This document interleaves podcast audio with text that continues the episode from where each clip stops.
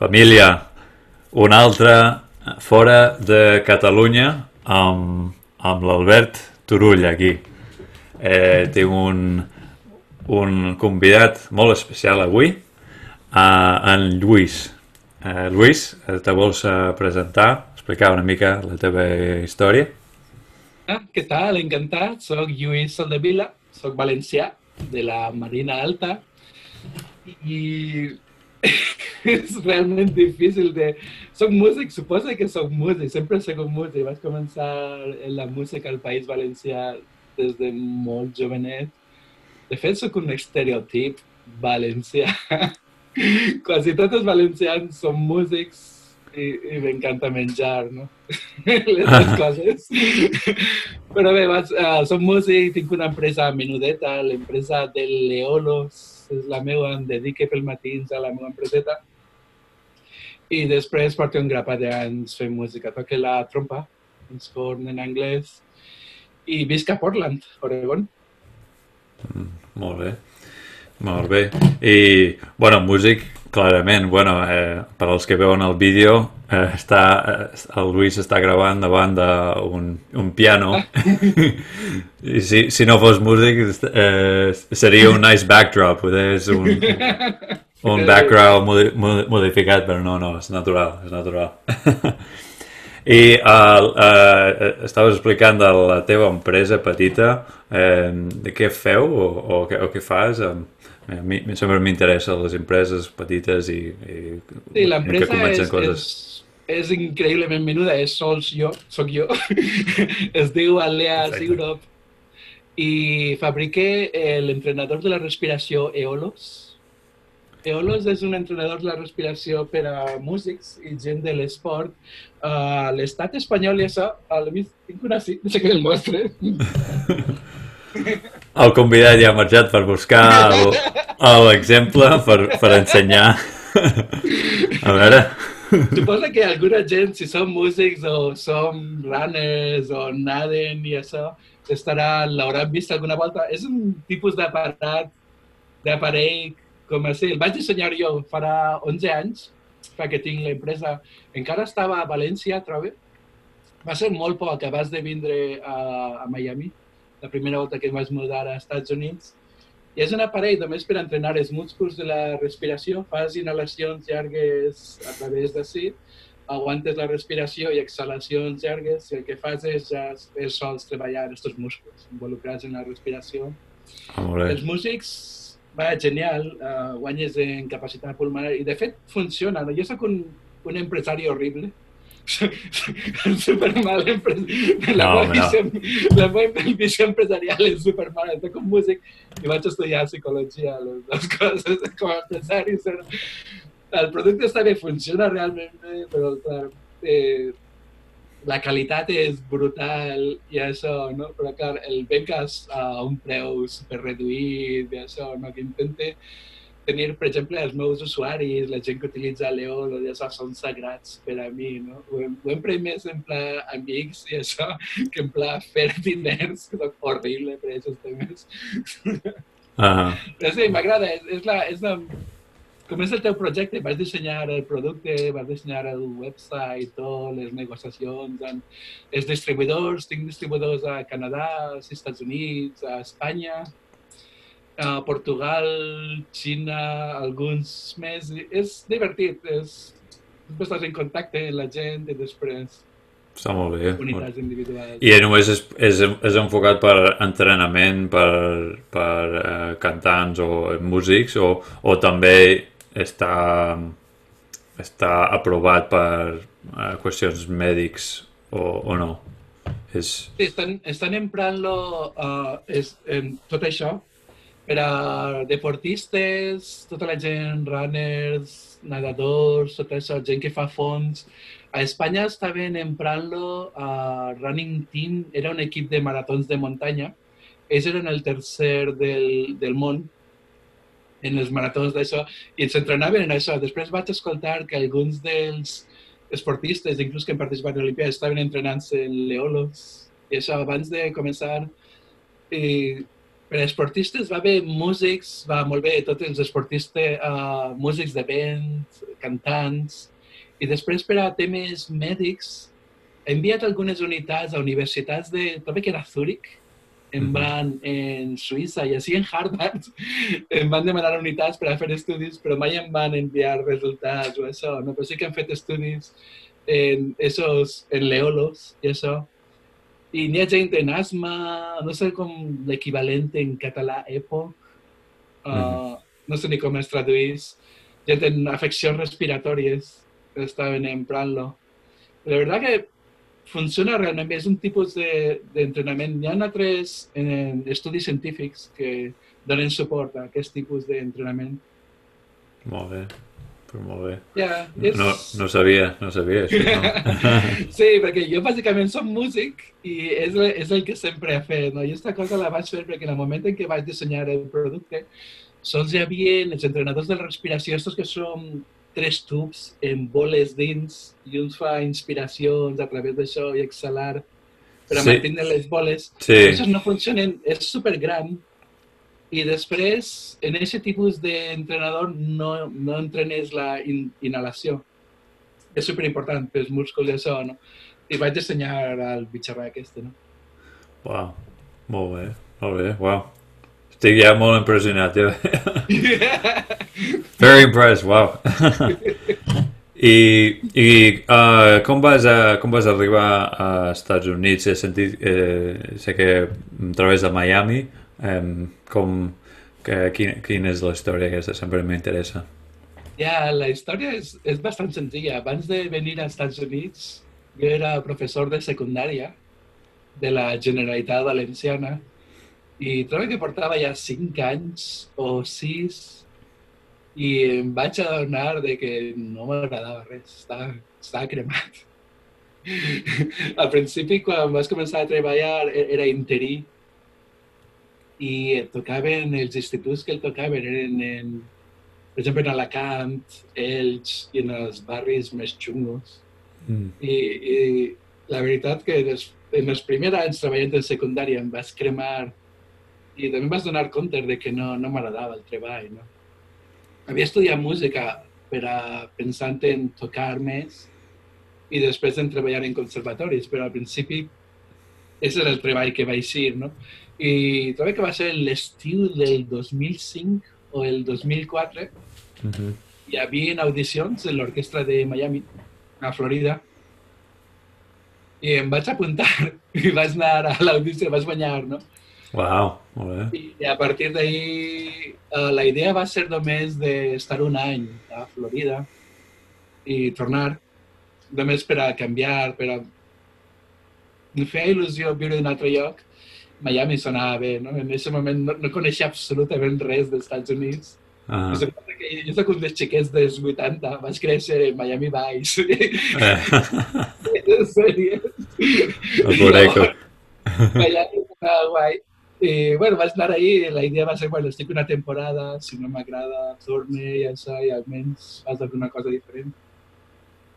I estant ahí, bé, va agradar més del que pensava. Jo sé que Miami no és ideal. Tu, trobes, tu vas viure a Florida, tu, tu eres de Florida, no? Sí, sóc del nord de Florida. Vaig viure ja des de bueno, molt jove i fins a 25 i després 5 anys a Miami. Sí, sí. Va resultar dur pel clima, però també va ser interessant, era tan diferent. Jo vaig viure tota la meva vida al País Valencià. Cada any, els últims cinc anys, en un lloc diferent i això.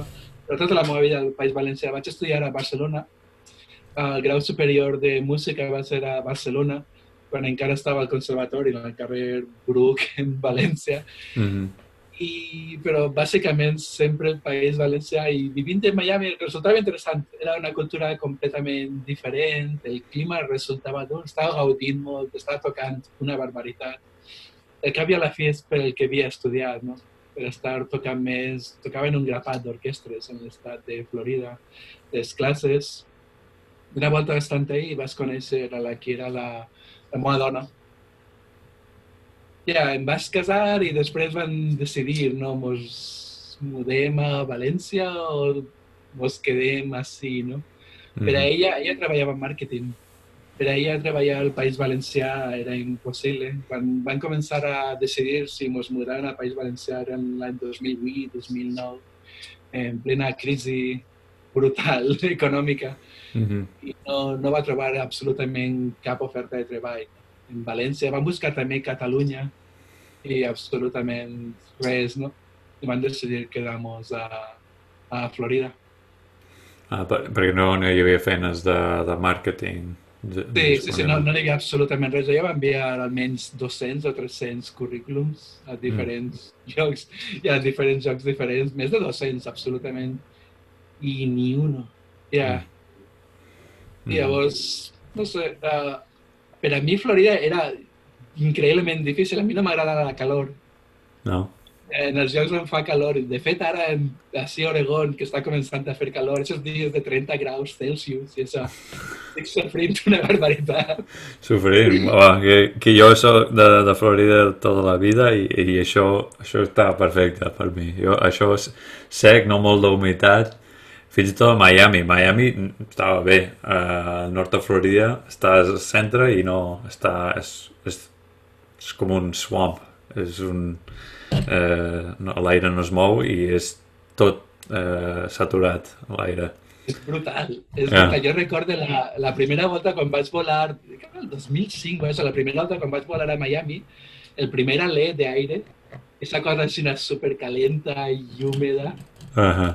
No puc oblidar, és, va ser increïble, però dic, uau, però què és això? no ho havia vist mai, com, dic, però com pot ser que la gent viu en un lloc així? Amb l'aire condicionat a tope, sempre. Ja, i al principi, perquè a mi m'agrada molt estar a fora, el primer any en Miami intentava, clar, igual que el País Valencià, que camines molt i vas, intentes anar als llocs, a prendre un cafè, estar fora, caminar pel carrer, i en els mesos de calor, que és febrer fins a desembre, era impossible. De la forma de suar, tot com patís. sí. Ho entenc, ho entenc. A València no, eh, és més sec el... És un el... poc més sec, és també molta humitat, però és un poc més sec. Mhm. De fet, em vaig adonar que en, en un agost vaig anar a visitar la meva família ple agost en Miami és brutal, però quan vaig anar a València es notava inclús fresc. I agost en València és brutal. que 35 graus. Uau. Uau. I, I quants anys vas estar a Miami? Eh, mm, Vaig estar des... En aquests anys vaig estar de 2004 o 5 fins al 7. Després, en, en, en ma casa a València, mon pare es va posar malalt i això, i vaig deixar l'orquestra, vaig deixar tot per anar a València per a, bueno, per a estar en ell, no? Va agarrar un càncer. I abans de que es morir, almenys per a estar en ell i això. I després les coses van complicar en salut també de ma mare i això, aquestes coses que passen i vaig estar quatre anys fins al 2010 i en el 2010 una volta que ella ja estava millor i això vaig decidir pensar, no? Dic, em quedé així en aquest any jo estava treballant d'altra volta en conservatori a Xàbia, a la Marina Alta estava enamorat del treball, no? i vaig decidir si tornar a Miami o no, i bé, vaig tornar a Miami. mhm. Uh, va ser el 2010, després fins al 2015 vaig estar encara en Miami i en el 2015 ja vaig mudar a Portland. Bàsicament va ser pel clima. Uh, De, de l'escollir així, com... Volem anar a Portland perquè ens sona bé o... Sí, dos anys abans em vaig divorciar de la que era la meva dona, la del Ahà. màrqueting. I en aquests anys no sé, ja l'havia agarrat bastant amor a viure als Estats Units i a estar ahí, vaig decidir quedar-me. I en cert moment vaig conèixer la Kizara Shannon, la meva parella, la vaig conèixer. I ella també estava vivint en Miami. I quan em van conèixer, estàvem vivint ahí, però a cap dels dos ens agradava el clima de, de Florida. I em va dir, ostres, per què no ens mudem a, a Oregon?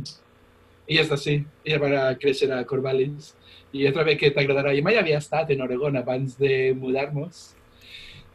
I vam decidir de fer un road trip Ja, Home, eh, això era la pròxima pregunta. I doncs veu fer un road trip de Florida a Oregon, tot, la, tot els Estats Units. Va ser brutal, és un dels viatges que més he gaudit en la meva vida. Me va ser al Dubon. Ara estava dic, ostres, i anem a fer la mudança, anem a fer alguna cosa boja, no? Ahà. per un road trip Miami-Portland. El viatge van ser, crec que van ser 6.000 quilòmetres, o 6.000 i pico quilòmetres en cotxe.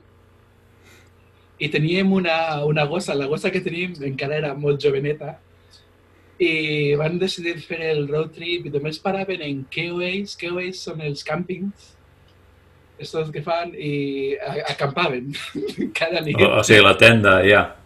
Sí, Ah. ah. eren cabanes, cabanes de fusta, que, menudetes, que pots, que pots llogar. I cada dia, quan érem per la vesprada, telefonaven al KOE, que estava més o menys a uns 100 o 200 quilòmetres, i llogaven una tenda, una cabana de fusta. I això Va. van fer el viatge en Miami, Miami Portland. Wow. Gina, Gina, hem de fer això. Això és el meu somni. Però a mi va ser guai, perquè va ser, per a mi va ser un somni. Des de que era jovenet, uh, va ser, sempre havia desitjat fer un road trip així de llarg en este país. I la veritat que va ser millor del que pensava. Va ser brutal. Van, van parar en Yellowstone, en Mount Rushmore, van anar de Miami, Georgia, Kentucky, cap al nord, cap a, fins a South Dakota, i després cap a, cap a aquesta costa va ser increïble, lo, més, lo molt que vaig gaudir tot el viatge. este. De fet, molts dies decidíem fer-los en carreteres secundàries.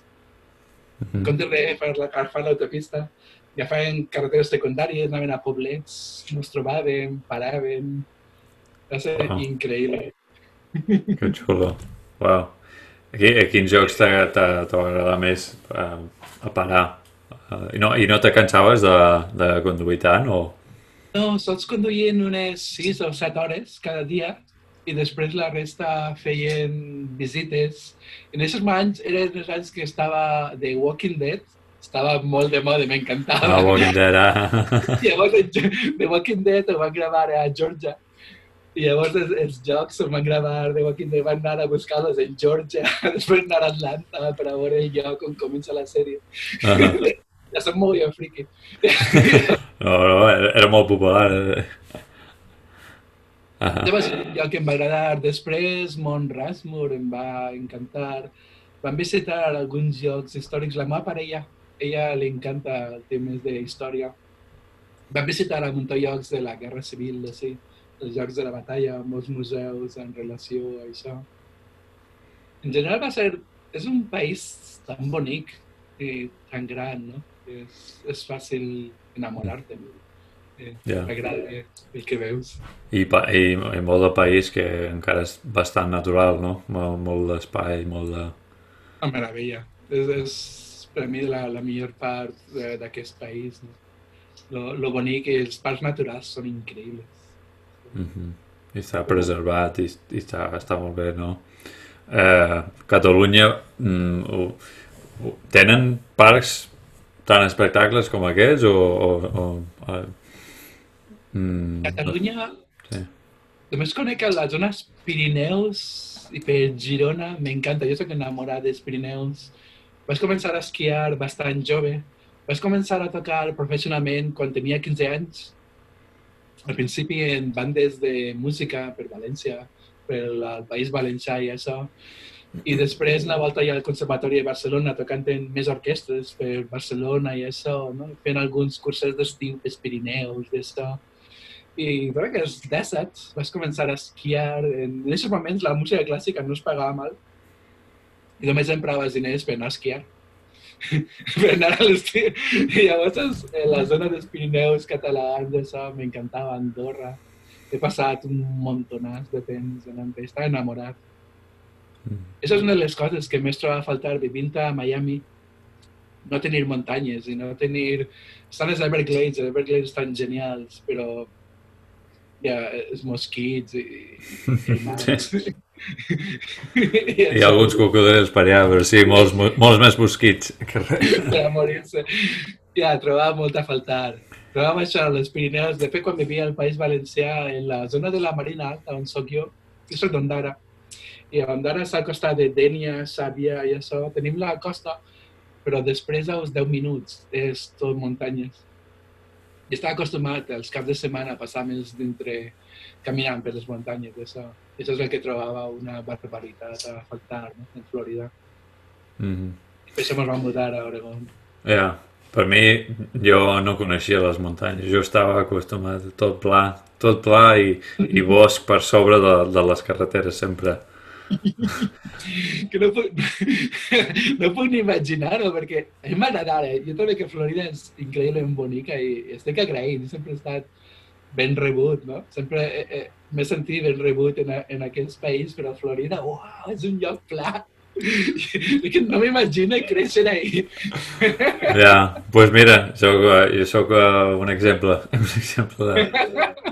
El, el, el més muntanyós a part de Florida era a casa meva, que estava en una inclinació, però és una muntanyeta, o sigui, el, el, la casa està, o sigui, el primer, prim, l'entrada, porta d'entrada està al segon pis i hi ha una baixada per, per entrar al, al garatge.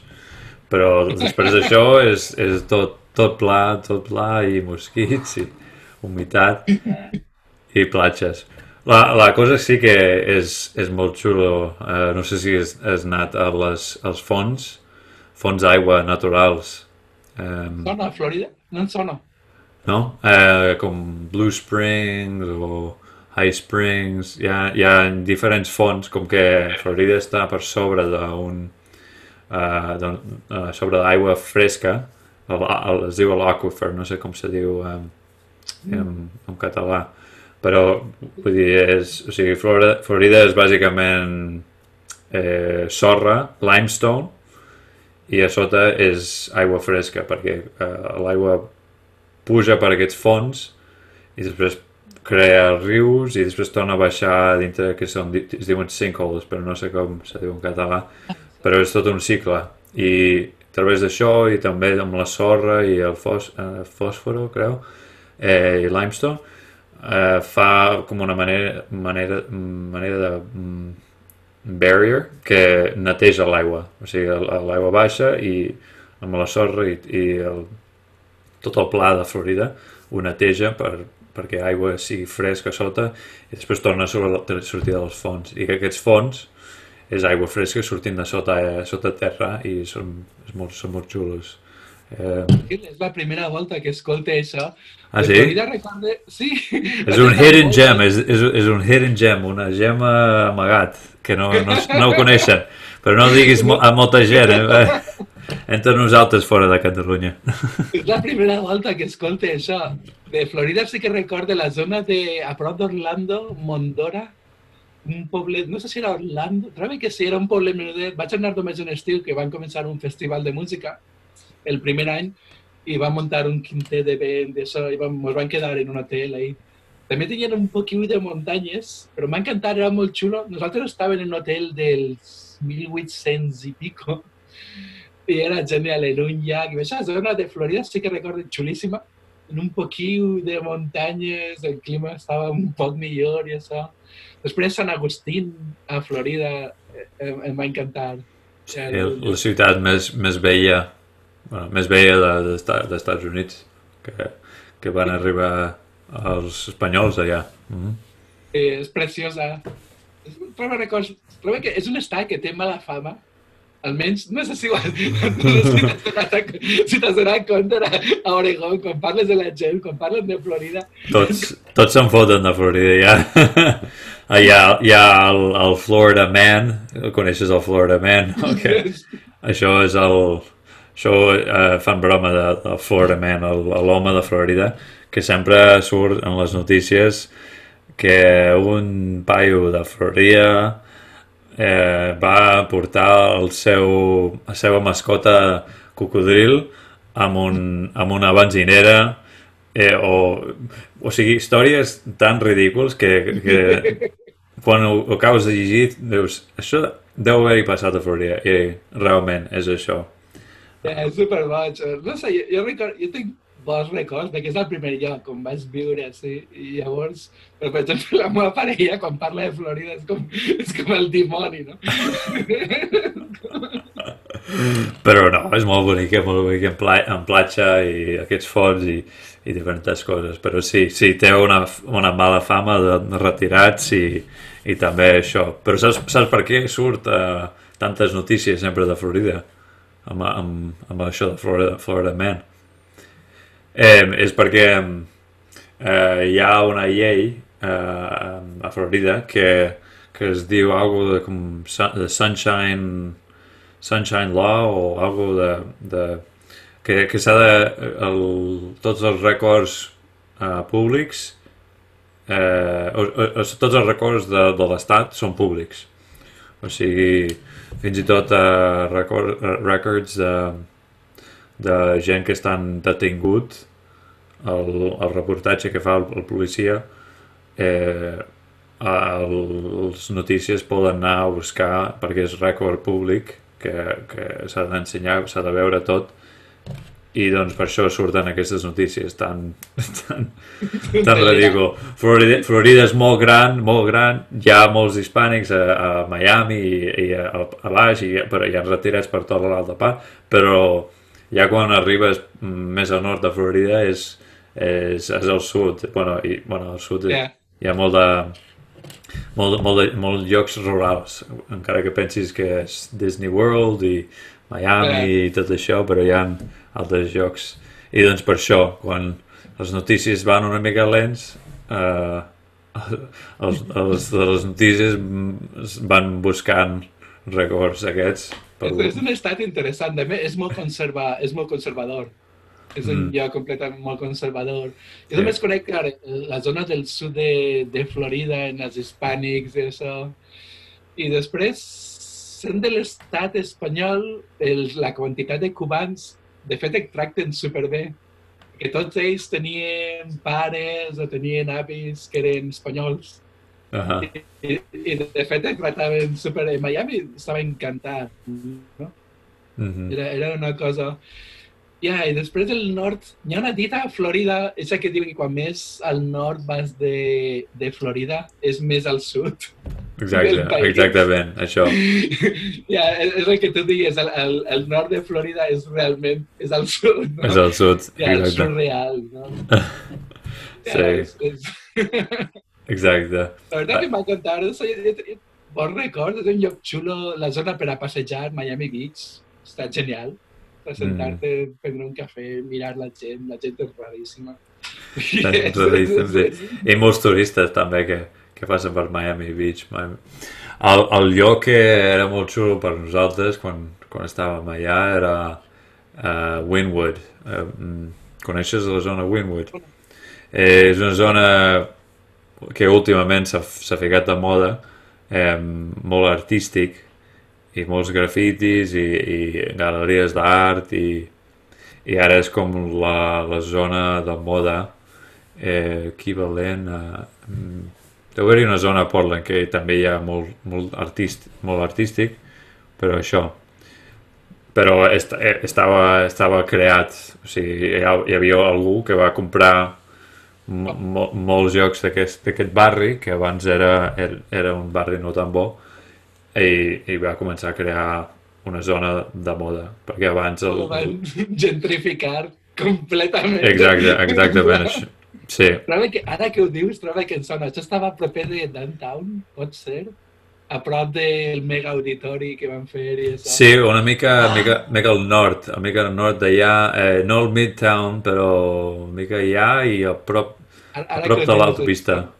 Ara que dius, jo vaig viure també un any a Aventura, i Aventura estava un poc més al nord. Sí, em sona, sí, sí. sí. Però ja, eh, també Aventura, quan estava vivint ahir un dels estius, va fer una tormenta i en menys de dues hores es va inundar tot. Es va inundar tot en pla bèstia. Wow. Yeah. Nosaltres vam perdre un cotxe. Un, un dels cotxes que teníem es va inundar completament, intentant tractar de moure'l cap al pàrquing dalt. Es va ofegar i es, es va morir. Però van ser dues hores. En dues hores de pluja. De pluja, wow. Estava tot fins a la cintura. Deu haver-hi... Això, és, això és una de les coses que també fa por, fa llàstima de Florida, perquè saps que en algun moment arribarà un dels huracans en pla xungo, no? I, Mhm. i fotrà tot. Sí, ja, sí, de fet la meva família sempre es preocupava de els huracans que venia. Ara aquí a Oregon no, no ens hem de preocupar de huracans, només potser el terratrèmol aquest que ens, Yeah. ens, ens volta d'aquí 300 anys, no se sap. Ja, és veritat. Cada, Ah. cada estiu, quan recorde a Miami que tenies que estar a l'estiu, preparar-te aigua, almenys tindre això de menjar i això. De fet, el 2005, quan va vindre el Katrina, en aquests anys estava, estava a Miami i recordo el Katrina i lo bestial que va ser. Mhm. Ja, I això que estava molt fluix. Va ser abans de golpejar New Orleans. Mhm. Ja, Ja. Amb, amb, amb la Gina, amb la Gina i jo estava, estàvem a Miami uh, que, que va venir l'huracà Charlie i estava, estava venint cap a directament a, a Miami um, al Path i, i van, van tancar les empreses d'hora i, i van, van, van fer un, era un dijous que van tancar d'hora i, i divendres eh, tothom a casa i tancar les, els, els co- els cobriments, ficar la fusta i tot això. I eh, ric perquè és una història um, personal que era, era divertit. En el cas gran és, era... eh, La gent estava molt preocupada, però eh, la Gina treballava una mica més a fora, com que treballa ag- agricultura, treballava a Homestead, i per tornar uh, havia d'anar cap al nord i, i hi, havia, molt de trànsit, molta gent tornant a casa i tots al, al mateix hora. I la Gina, com que no havia viscut amb un huracà, no sabia com de ràpid o com de lent anaven els huracans, no?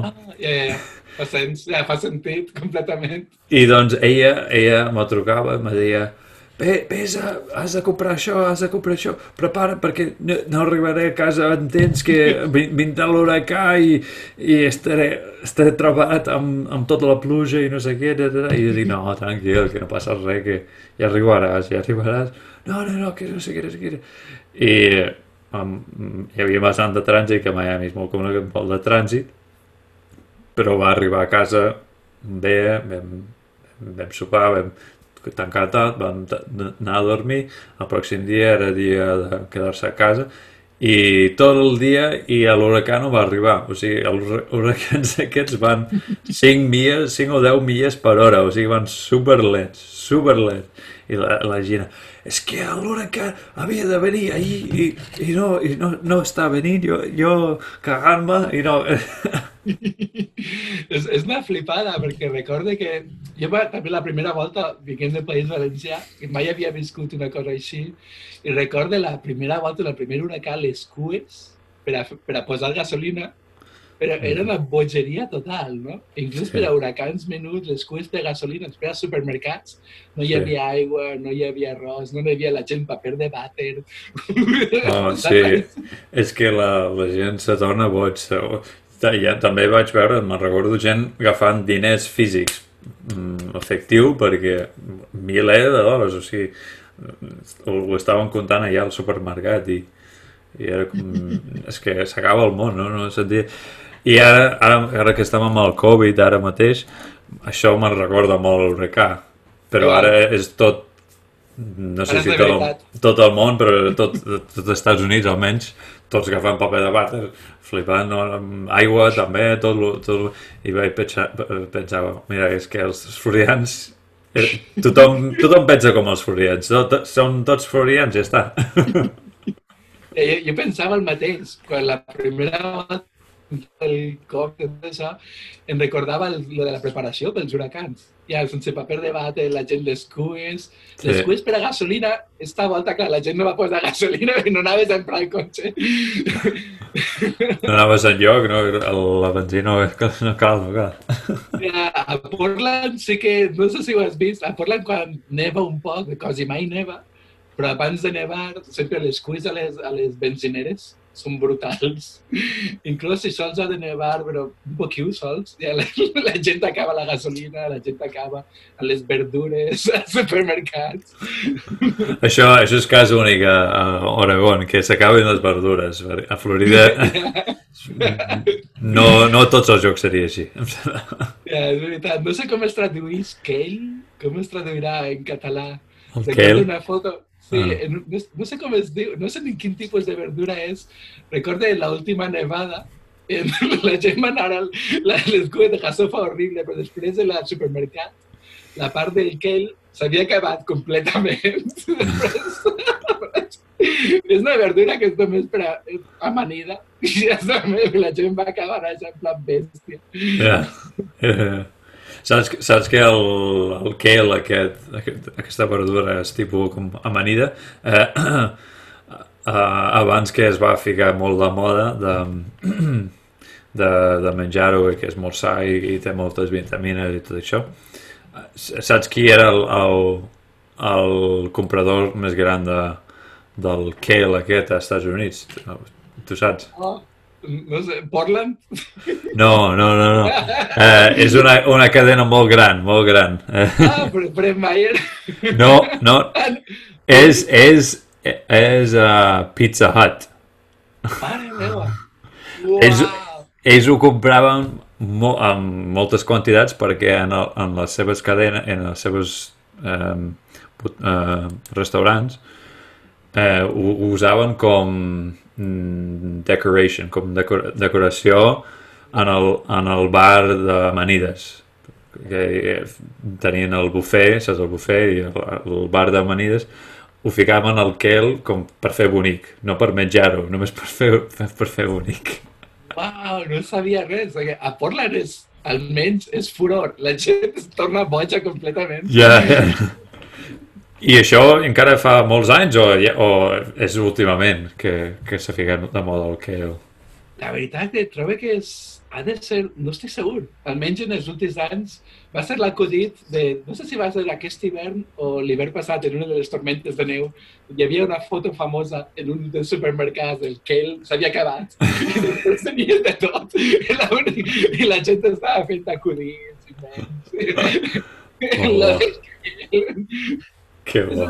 que és fàcil enamorar-te de l'Oregon en general i de Portland és super fàcil enamorar-te perquè la gent és rara i, i, hi, hi ha un cert de, com es diu, pride de, uh, or, hi ha un cert d'orgull en ser rar en les coses de coses així, no? Mm. La frase més famosa de Portland és Keep Portland Weird, manté Portland rara. Sí, exacte. Exacte, Eh, sí. M'encanta, la gent és super amable, és una cosa que trobava molt a faltar. A Miami, Miami és, és la bamboia.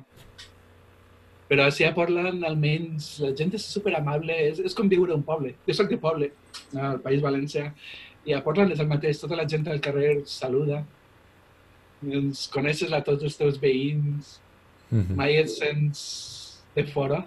Quan vas fora, inclús al centre, tots intenten ajudar als altres. Això és una cosa agradable, no? Mhm. Mhm. Sí, Sí, és el, el que havia notat també a jo a Oregon en general. Uh, Miami és molt més, molt més ràpid, la gent van, estan, hi ha molta gent que van a tope i estan buscant buscant el seu, o tenen la feina o el tràfic, el, el trànsit allà és horrible. Hi ha el sentit de, a, Miami el sentit de comunicar, de comunitat encara no l'han creat. No no n'hi ha sentit de pertànyer a un lloc i, i construir cap, cap al lloc, no? La cultura del lloc. És només, la cultura del lloc és tota Sud-amèrica junta. Sí. És també bonic i, i està bé i això, no? però no n'hi ha el sentit de comunitat que veus així a Oregon, en els llocs, no? M'encanta. Yeah. Mm. Sí, la, i l'altra cosa que he vist en Miami és um, eh, la, la connexió que fas és amb gent del, del, del país d'on ets. Hi havia molts peruans que eren molts amics amb altres peruans i ja quan coneixies un perú, peruano, estaven tots junts, o cubans, el mateix, cada un amb ells. Jo, jo érem amics amb diferents a través de la feina i altres llocs, però jo ho notava molt com hi havia més, hi havia més connexió amb, amb gent del, del seu país. També amb els catalans, no? Més, eh, més o menys, si, si te trobes un català a Oregon, eh, és, és, és, fas un clic molt, molt fàcilment, no? És veritat, i el tema de la llengua unís molt. Jo quan vivia a Miami, no, no vaig juntar en cap tipus de casal valencià. Els casals valencians, el que passa és que ningú parla català. I llavors, els casals espanyols no, no m'interessen, no? mai m'he sentit espanyol ni quan era un, un xiquet, no? I els casals dels valencians que he conegut tant a Miami com a Portland, cap d'ells parlar valencià. Llavors coneixes a una persona i, i no parla ni la teua llengua. Mm -hmm. Llavors, aquesta part de, de, de connexió no existís, no? Llavors, no vaig... Per això és un dels temes, perquè vaig contactar més al casal català de Portland, almenys per a poder parlar en la teva llengua en gent, mm. després tenim unes, unes idees molt més semblants, tant a nivell polític com a nivell... Jo trobo que la, la llengua que parles es, mm. construeix molt. Sí. sí, vam trobar catalans també a Miami, eh, a l'Institut Català d'Amèrica, que tenen dos branques, una a Nova York i una a Miami.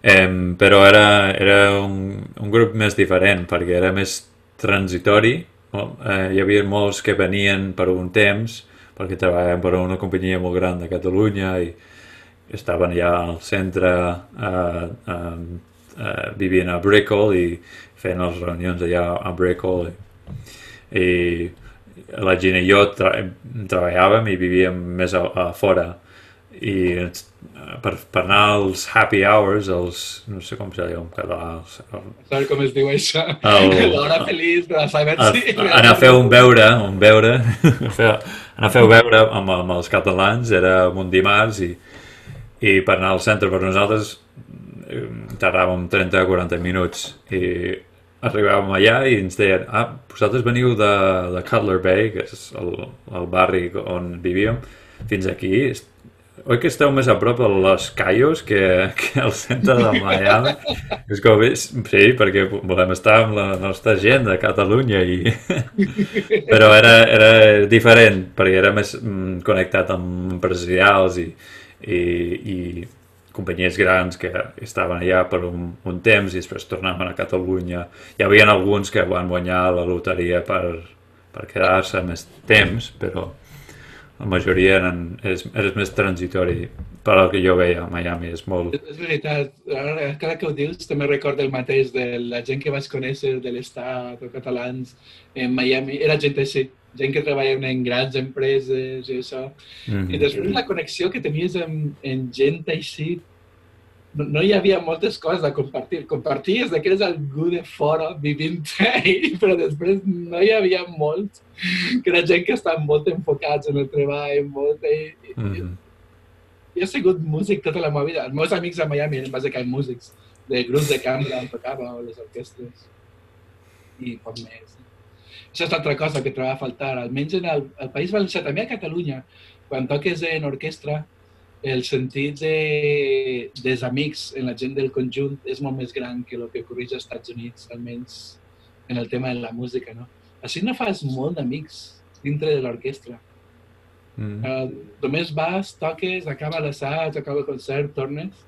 Però el normal en el País Valencià o Catalunya és anar a un concert, després quan s'acaba quedes a beure cerveses. A beure ja és... Me sembla normal, no sé per què no ho fan aquí. cada vegada va més beure cerveses. I això ajuda molt també a fer conjunt. Els mm. conjunts allà sonen millor perquè la gent que toca són amics i quan acaben cada assaig nosaltres acabàvem amb una cervesa. Anàvem a algun lloc a beure un cafè i, això, i així no ho fas. Així ho fas només si toques en cambra. Però inclús ara toquen un quintet de vent així a Portland i pff, no ho fem, assagem, toquem concerts i ja està. No? Mm -hmm. Mm -hmm.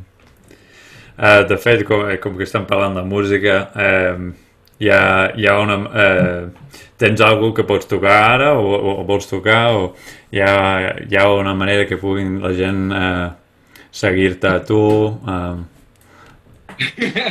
Ara estic, estic gravant en tot lo de la, del coronavirus, en tot el confinament i això. He gravat un montonàs de vídeos. També que he gravat els 150, una col·lecció de vídeos. Al principi era, vaig començar a gravar per ma mare. Ma mare viu al País Valencià. És una dona que comença a ser major, en 70 i pico anys. I vaig començar a gravar per ella. Ella, a ella li encanta veure'm tocar i això, no? I vaig començar a gravar i almenys que algú li portara els vídeos o que li mostrara perquè em vegera tocant i això.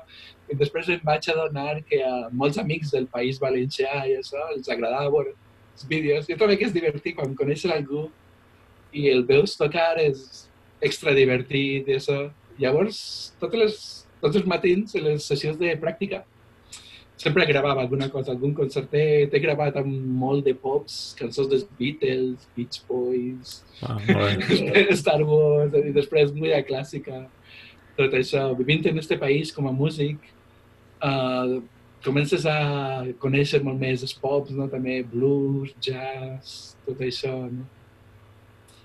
Llavors, en el meu canal de Facebook, en el meu Facebook, poso això, tinc un canal de YouTube on posa els vídeos, això. Molts d'ells, la majoria, no són molt bons.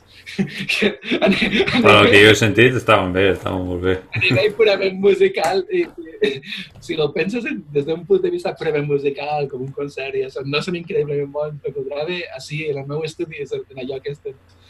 Jo només grave una sessió de pràctica, la, la qualitat de so gravant és impossible que siga bona, és només dintre d'aquesta habitació i després eh, cada dia grave algo diferent, no prepare durant els dies i després grave. Aquest dia el que...